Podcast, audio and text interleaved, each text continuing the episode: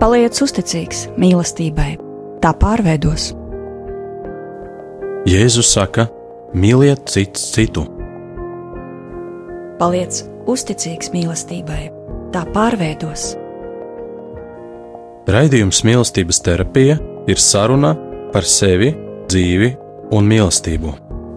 Un šo raidījumu vada kristīgi psihologi Ina Grasmane un Marks Jērmaks.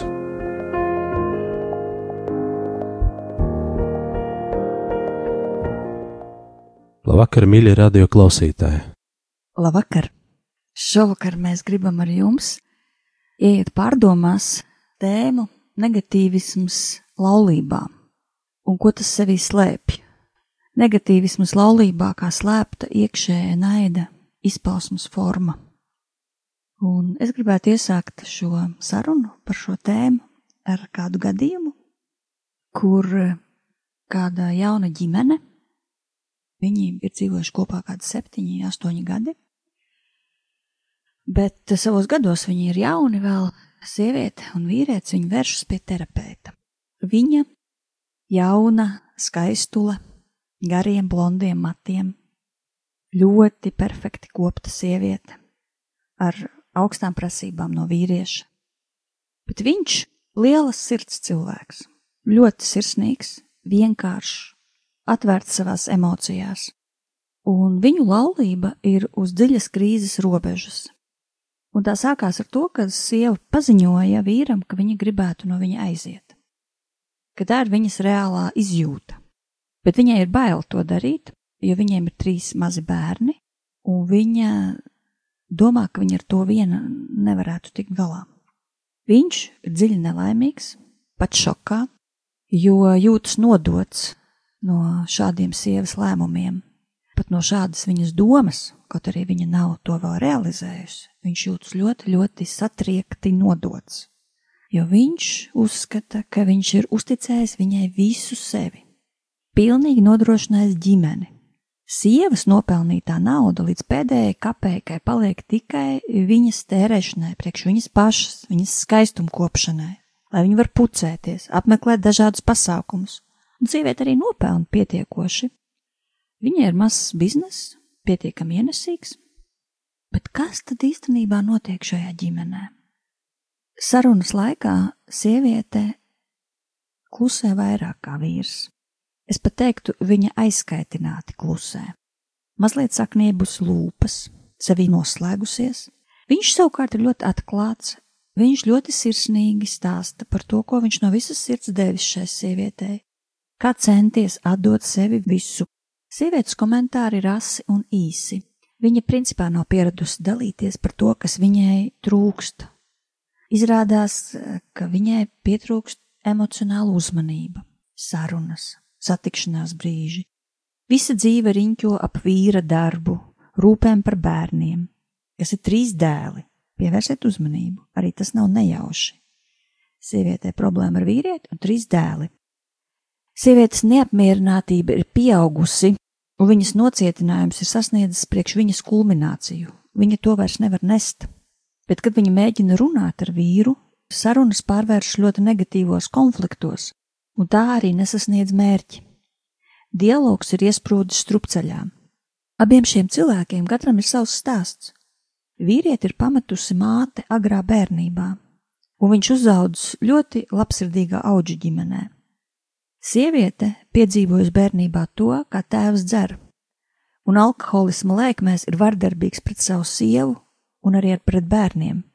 Visu savu agresiju tēvs izgāza pāri savu sievu un arī pār šīs sievietes brāli, savu dēlu, un viņai bija bezgalā žēl brāļa un viņu ciešanu. Viņa gribēja kā bērns paglābt brāli no tēva dusmām, bet brālis gal galā izdarīja pašnāvību. Vai šie stāsti ietekmē šo abu cilvēku laulību?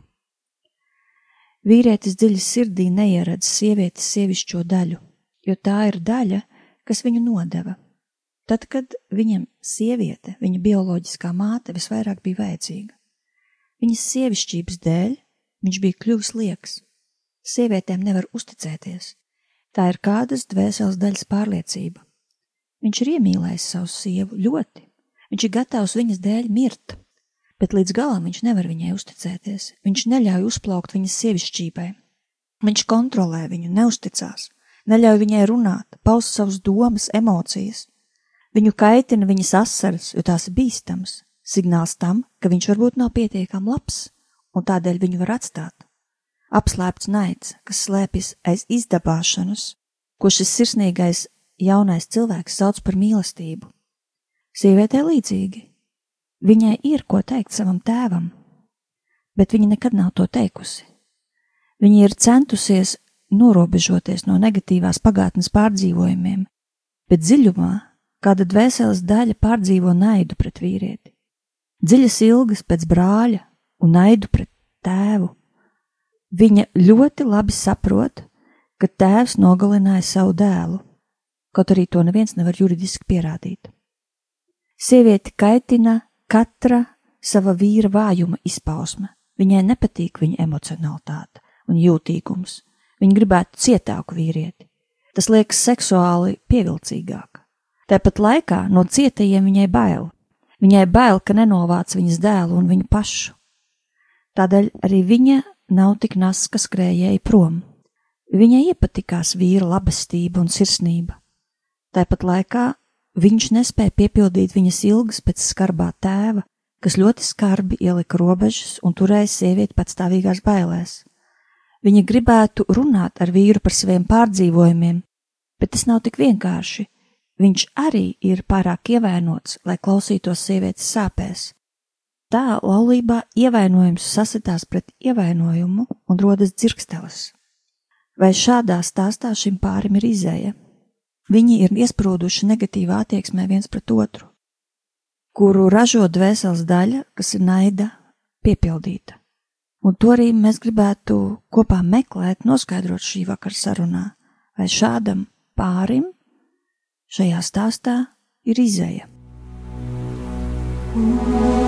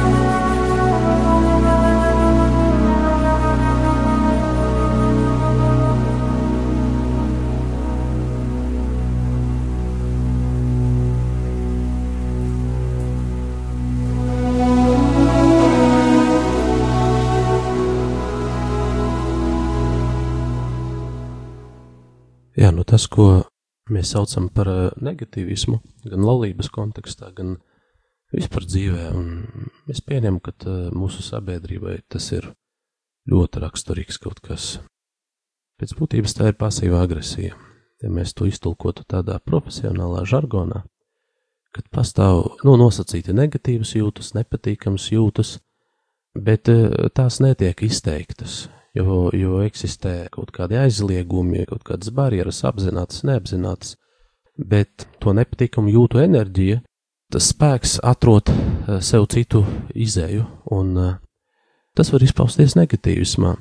Varbūt, ja mēs paskatītos uz, uz saknēm, tad eh, mēs ieraudzītu, ka cilvēki, kuriem ir raksturīgs negatīvisms, ka viņi ir auguši tādā vidē, kur nepatīkams jūtas netika izpaustas tiešā veidā, jo tas tika uzskatīts par kaut ko nepieņemamu, piemēram, nedrīkstēja dusmoties, vai arī tādā vidē, kur pieaugušie cilvēki dusmojas tādā veidā, kas bija pilnīgi destruktīvs.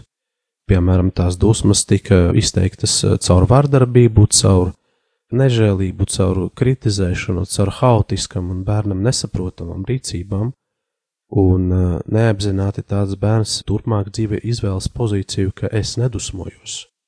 Taču katrs cilvēks dusmojas, pat zīdainis dusmojas uz mammu, kuru kavējas apmierināt viņa vēlmes, nu kur nu vēl runājot par bērniem, par pieaugušiem, par jauniešiem, dusmas ir katram, bet ja mēs nemākam tās izteikt tiešā veidā, tad tas krājas un pārvēršas vēlāk par šo pasīvu agresiju, par negatīvismu, par kritikānismu, par ironiju, tādu indīgumu, un es domāju, ka tas daudziem no mums ir labi pazīstams.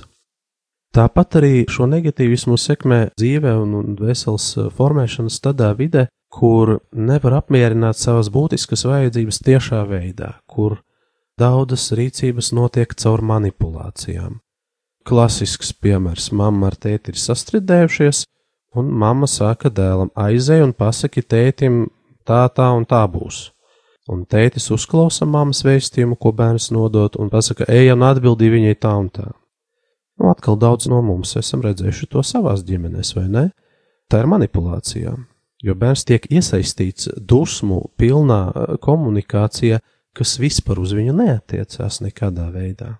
Nu, tāda manipulācija un iesaistīšanās manipulācijā sekmē šo negatīvismu pieaugušo dzīvē.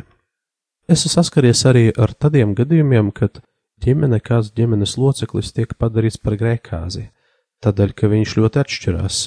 Piemēram, tādā inteliģentā un labi izglītotā ģimenē ienāk cilvēks bez izglītības. Piemēram, sieviete izšķirās, un viņas otrais vīrs ir, ir cilvēks no citas vides.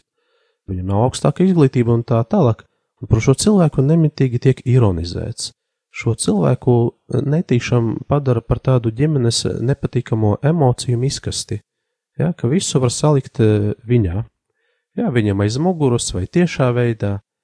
Tāpat arī etniski jauktās laulībās citreiz kāds cilvēks atšķirās pēc etniskas vai, vai citas izcelsmes, jā, par viņu tiek ironizēts, un uh, ironija, kas tiek izteikta par ģimenes locekli, nav nekas cits kā agresija, bet šī agresija ir slēpta.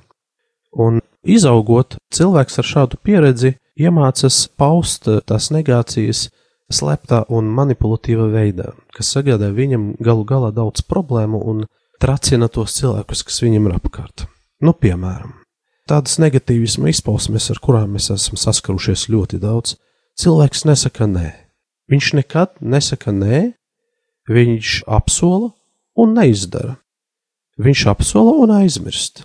Viņš apsola un nokāvē, nobasto kaut kādu svarīgu tikšanos, svarīgu sarunu. Un eh, kā jūtas tie pārējie, kas ir iesaistīti? Nu, viņi ir, viņi dusmojas, viņi ir neapmierināti. Šādā veidā šis cilvēks netīšām tā kā nu, ieliek savas dusmas, ko viņš neuzņemas pats. Viņš ieliek citos cilvēkos. Viņš pats ir mierīgs un izliekas, ka neko nesaprot, bet apkārt visi dusmojas. Un, eh, ja šāds partneris gadās laulībā, vai abi partneri ir manipulatīvi, tad uh, tas eh, pārvēršas par eldi. Šāds cilvēks sabotē, viņš nepilda savas apņemšanas, viņš kavē, viņš aizmirst. Un uh, tas ir aizsardzības, tas ir aizsardzības no tā, lai satiktos ar to, kas patiesi šo cilvēku piepilda. Jo, kā jau teicu, tā vēsture viņam nu nav vienkārša. Kāpēc viņš bija spiests iemācīties tādā veidā paust to, kas viņā negatīvs? Viņam ir savi iemesli, kāpēc tas, ko es stāstu, nav tādēļ, lai viņu nosodītu, jo skaidrs, ka nekas neveidojas tukšā vietā cilvēka psihē. Viss, viss kaut kam kalpo. Taču viņš vairs nav bērns, un viņš vairs nav bezspēcīgs. Viņa spēkos ir šo situāciju mainīt, un pirms to mainīt, tā ir jāapzinās. Cilvēks, kurš izstaro šo negatīvismu, ļoti bieži apvainojas un klusē. Tas ir redzams arī Innas pieminētajā piemērā. Jā, kad eh, viens no partneriem uh, apvainojas un klusē. Un šādā veidā arī izpauž savas dusmas un neapmierinātību, jo aizvainojums tā arī ir agresijas formā. Tā ir neapmierinātība ar to, ka otrs cilvēks nav attaisnojis manas expectācijas. Demonstratīva klusēšana, tāds klusums, kā saka, ka gaisa tik bies, ka var cirvi pakart šajā gaisā.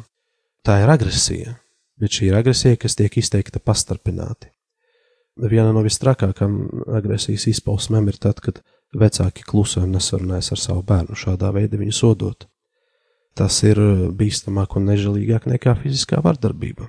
Jo tad šīm bērnam liek saprast, ka viņš vispār neeksistē dotajā mirklī.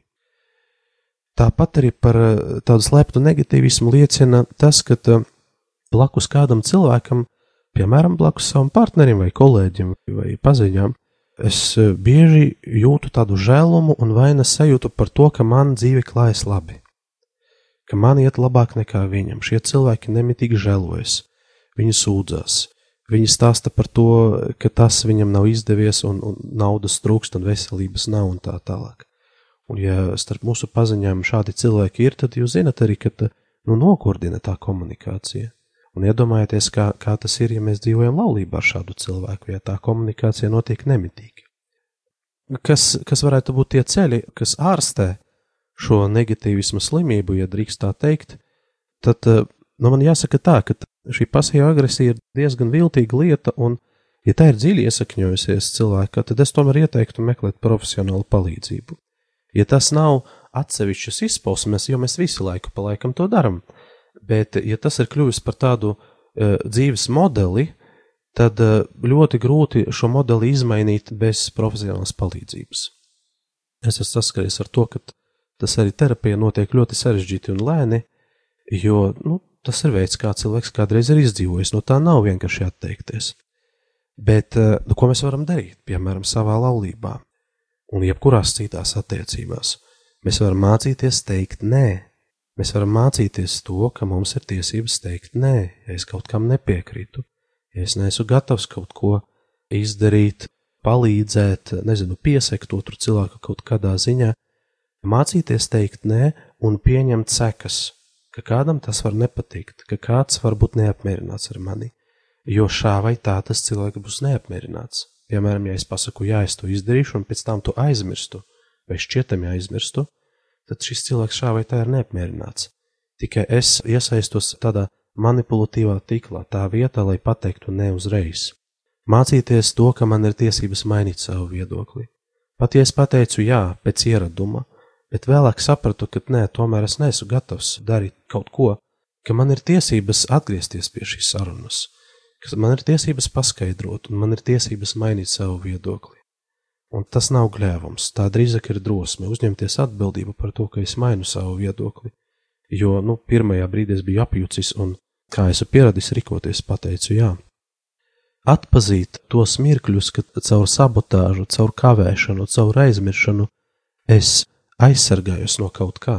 Tas ir tas, ko es daru, nevis citi cilvēki, ir nesaprotami nikni, kāpēc viņi ir tik ļauni pret mani, bet ka es vienmēr tā daru, ka es noteiktās situācijas vienmēr kavēju, kaut gan nepastāv objektīvs iemesls, kāpēc. Jā, nu tas ir uh, tiešām ļoti smieklīgi, ka pieaugušais cilvēks korķu laikā nevar atbraukt laicīgi uz tikšanos, jo viņš lieliski zina, ka nu sešos vakarā Rīga ir korķi, bet ja viņš regulāri tā dara, tad, tad tas ir kaut kāds paterns, jā, ko viņš ar to grib pateikt ko es vēlos pateikt ar šo kavēšanu regulāro. Varbūt ir kaut kas, ko es varu pateikt taisnā veidā, un man vairs nebūs jākāvē. Tā vietā, lai apvainotos un ilgi paliktu aizvainojumā, runāt tiešā veidā, ko es sagaidu un ko tu no manis sagaidi. Mans partneris, mana sieva, mans vīrs, mans priekšnieks, ko tu no manis sagaidi un ko es no tevis sagaidu. Man ir tiesības tiešā veidā komunikācijā ar pieaugušiem cilvēkiem un arī ar bērniem runāt par manām ekspektācijām. Nevis klusēt par tām un apvainoties, kad pēc tam citi cilvēki to neizpilda. Tā vietā, lai žēlotu sevi un vainotu citus, vienmēr ir labi uzdot sev jautājumu, ko es neesmu izdarījis. Jo sevis žēlošana vienmēr uz simt procentiem ir rādītais, ka kaut ko tādu, kas bija manos spēkos, es neesmu šajā situācijā izdarījis. Tikai viens piemērs.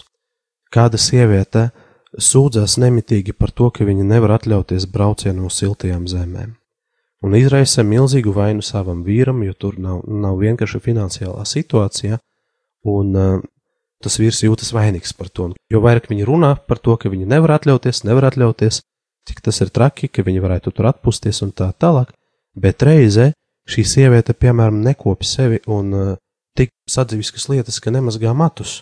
Redzēt, nu, te ir tāda manipulācijas piegarša, ka cilvēks saka, ja es tiktu pie tā brauciena, tad gan es rūpētos par sevi.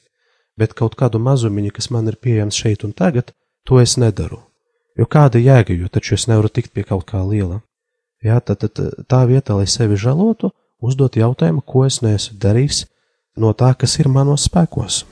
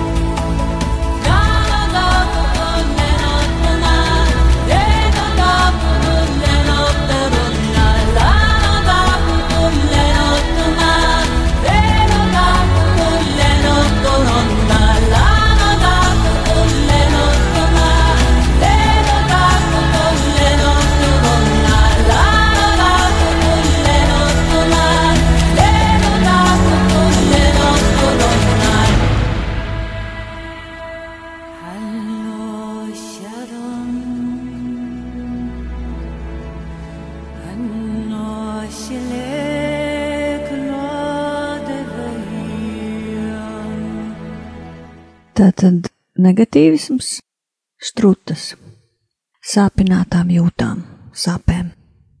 Un nekur tālu mēs no tā neaizējam. Tātad vispirms ir darbs ar sevis apzināšanos un apzināšanos to, kas man sāp. Ieraudzīt savas aizsardzības un paskatīties aiz tām. Tas ir sāpīgs darbs, bet tas ir pirmām kārtām. Ir situācijas, kad tas ir iespējams tikai ar terapeitisku palīdzību, jo arī mēs savu ievainoto kāju nevaram noteiktā līmenī izārstēt paši, ja tur ir vajadzīga ķirurģiska iejaukšanās. Mēs ejam pie ārsta. Līdzīgi ir, ja tavai dvēselē sāpes ir tik lielas un tas ir ielaists un strutu ir daudz, tu pats iespējams ar to nevar tikt galā. Un domājot, ka tu tiksi galā, tu esi tādā lepnības kārdinājuma priekšā lepnība liek tev ar visu tik galā pašam. Nevienmēr tas tā ir, reiz ir nepieciešams ārsts, lai to varētu tikt tālāk. Garīgs darbs ir otrs solis. Smagi notikumi pagātnē, kas ir notikuši, viņi norāda uz eh, ļaunā gara klātesamību ģimenē. Un ļaunais gars, viņš pāriet no paudzes uz paudzi un grib turpināt eh, to savu ierasto taciņu Viņš grib izjaukt laulības, viņš grib izjaukt attiecības, viņš grib vairot nāvi. Un e, mums, kristiešiem, ir jābūt redzīgiem, ka mēs ieraugam arī šī ļaunā gara iemītās taciņas, un ir nepieciešamas atbrīvošanas lūkšanas, ir nepieciešamas lūkšanas par ģimenes sistēmu, par visiem, par mamām un par tētiem, kas pagātnē ir smagi grēkojuši. Šeit ir jautājums, vai sieviete un vīrietis pieņem Jēzus piedāvāto ceļu, sākt veidot savu jaunu ciltskoku, jo vecais ir sapuvis. Nomazgāties no naida, atklāt naida mitekli sevī un atvadīties no tā. Tie ir tie soļi, kas ir nepieciešami, lai mēs varētu izārstēties no negatīvisma, kas mūs vajā, Bieži vien cilvēks nav negatīvs, tāpēc, ka viņš grib būt negatīvs. Viņš ir negatīvs, tāpēc, ka viņš nevar savādāk, ja šīs strutas tev liek būt negatīvam. Jā, cilvēki var barot naida un nodevības pūķus sevī. Tu vari nodot pats sevi, tu vari nodot savu partneri dažādos veidos, un šie puķi diktē savus noteikumus. Novākt vīrieti, nepieļaut sievietes sievišķību, jo tas viss ir bīstami, tas veido ģimeni, tas ir ģimenes pamats puķi mēģina panākt drāmas realizēšanos no paudzes uz paudzi vienas un tās pašas. Un ja mēs sekojam šiem ļaunajiem scenārijiem, tad iespējams mēs turpinām iesākto bērni paliek bez tēva, sieviete aiziet, vīrietis aiziet un tā tālāk. Salauztas dzīves, un mēs, kā savas dzīves varoņi, stāvam šī izaicinājuma priekšā. Un katrs mēs savas ģimenes sistēmā esam šāds varonis. Katrs mēs nesam sevī neredzamas naida jūtas, un līdz ar to pabarojam šos pūķus. Un mēs esam izaicinājumi priekšā turpināt to darīt vai pārtraukt. Lai dzīve būtu svētību piepildīšana, lai atgriešanās pie Dieva būtu patiesa, un lai tas tā būtu, šos pūķus ir svarīgi atklāt, ieraudzīt un atvadīties no tiem.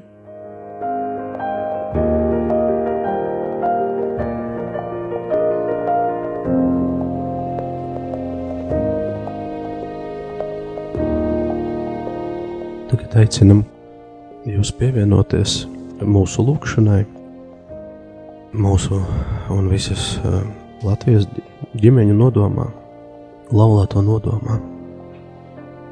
Mīļais debesu Tēvs, mēs piesaucam Tevi un uh, vispirms Tev pateicamies par šo laulības ģimenes dāvanu par šo mūsu brīvas gribas dāvanu, par šo mūsu spēju mīlēt, un tāpat arī par mūsu dzīves stāstu. Iespējams, tas ir sarežģīts un sapju piepildīts, bet uh, ticam, ka tu vienmēr esi bijis klātesošs šajā stāstā. Un tāpat arī mūsu laulāto dzīves stāstā. Mēs lūdzam, Kungs, par savām ģimenēm un mūsu klausītāju ģimenēm, Dāvā mums Jēzus vārdā drosmi, drosmi saskatīt un atpazīt savu un arī savu laulāto ēnas pusi, iepazīt viņu, pieņemt viņu, cik nu tas ir iespējams. Mēs lūdzam šo drosmi ieraudzīt, savu negatīvismu, savu agresivitāti, savu kritizēšanu, savu ironiju, savu sarkasmu to, kādā veidā mēs manipulējam, cenšoties panākt kaut ko, ko vēlamies.